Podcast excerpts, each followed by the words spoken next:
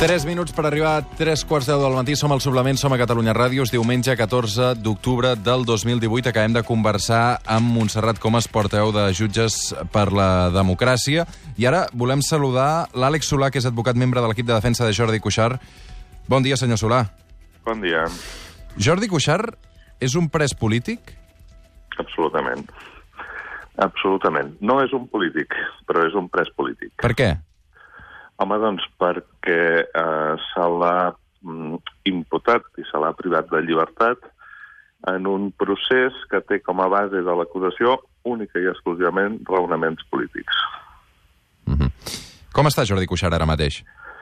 El Jordi està bé, està amb, amb una fortalesa i una tranquil·litat d'esperit que li dona haver eh, des de fa temps haver comprès mm, els motius pels quals està privat de llibertat i haver mm, arribat a la convicció personal i, i social doncs, eh, en la seva situació, va optar a la reelecció de la, de la seva entitat, l'entitat que presideix, l'entitat cultural, doncs de, de que la, la seva presó, la seva eventual sentència, la seva sortida en llibertat, han de tenir una, un sentit i una funció política. Mm -hmm. el, el jutge Llarena, fins ara, eh, ha anat denegant eh, la llibertat per risc de, de reiteració delictiva. Clar, en el cas de Jordi Cuixart, ell no ha anat a cap llista, no és diputat, no té responsabilitats més enllà de presidir eh, Òmnium Cultural fins, fins fa un any. Um, com es justifica que un any després continuï a la presó? A veure, um, Roger, si, si em permets, el, aquest procediment, que, que ja dura, dura un any, Mm -hmm. ens ha fet admetre com a normals coses que no ho són. Eh, fixa't que, que, que inclús la pregunta que em feies és, escolta, si no és polític, si no ha deixat la política, com es justifica que segueixi la presó? Eh, bé, és que, efectivament, en Llarena els, el, ha, ha posat, ha tret i ha tornat a posar o ha mantingut a la presó els polítics en bona part en atenció si deixaven o no la política. Però, però això no és normal, eh? O sigui, no, no podem caure en aquesta normalitat. El que passa és que el tema dels Jordis, efectivament, és diferent. Els Jordis són els primers a ser empresonats. I són els primers a ser empresonats inclús abans de les querelles de fiscalia, perquè van ser empresonats el 7 d'octubre, abans de la declaració d'independència, i abans dels requeriments del 155, etc. I van ser empresonats per ser els líders de la societat civil, que un dels líders de la societat civil que de forma visible encarnaven en aquesta, una part important de la població catalana que mm, empenyia i forçava els seus dirigents polítics a fer passes decidides cap a la independència. És a dir, és repressió en estat pur. Podríem dir que és de primer d'Operació Còndor, eh? reprimir la mobilització popular a través de la repressió dels seus líders. Aquestes últimes hores, eh, Àlex Solam, hem, hem sabut que la Fiscalia mantindrà l'acusació per rebel·lió. Eh, les penes, en principi, que es demanaran d'entrada no seran les, les màximes. Ara també ho valoràvem amb Montserrat Comas. Eh, com ho encaixa això, la defensa de Jordi Cuixart? Home, de forma absolutament esperada. El...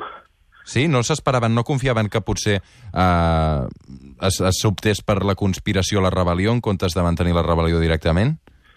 No, no, no almenys en quant a, a petició principal.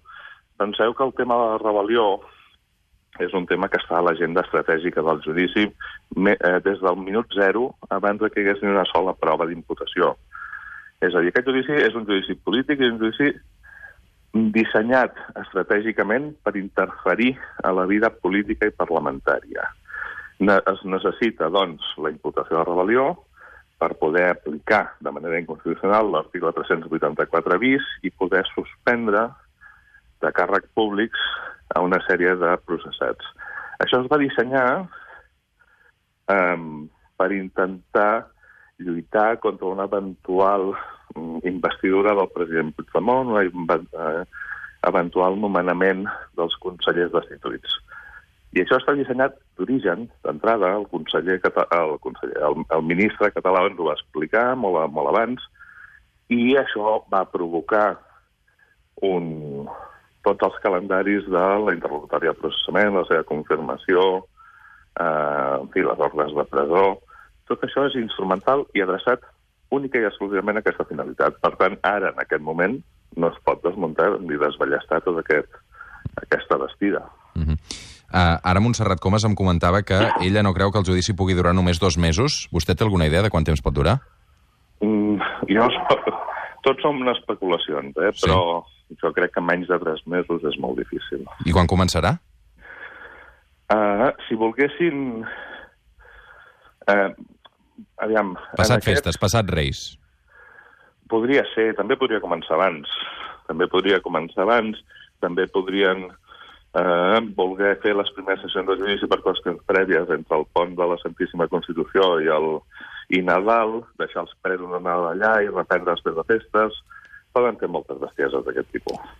El, però abans de principi de desembre és materialment impossible començar. Mm, però vaja, les han fet, les han fet grosses, per tant, pot, pot passar qualsevol cosa. Àlex Solà, advocat eh, de la defensa de, de Jordi Cuixart, eh, gràcies per atendre la trucada d'avui al suplement. Molt bé, gràcies a vosaltres. Gràcies i bon dia.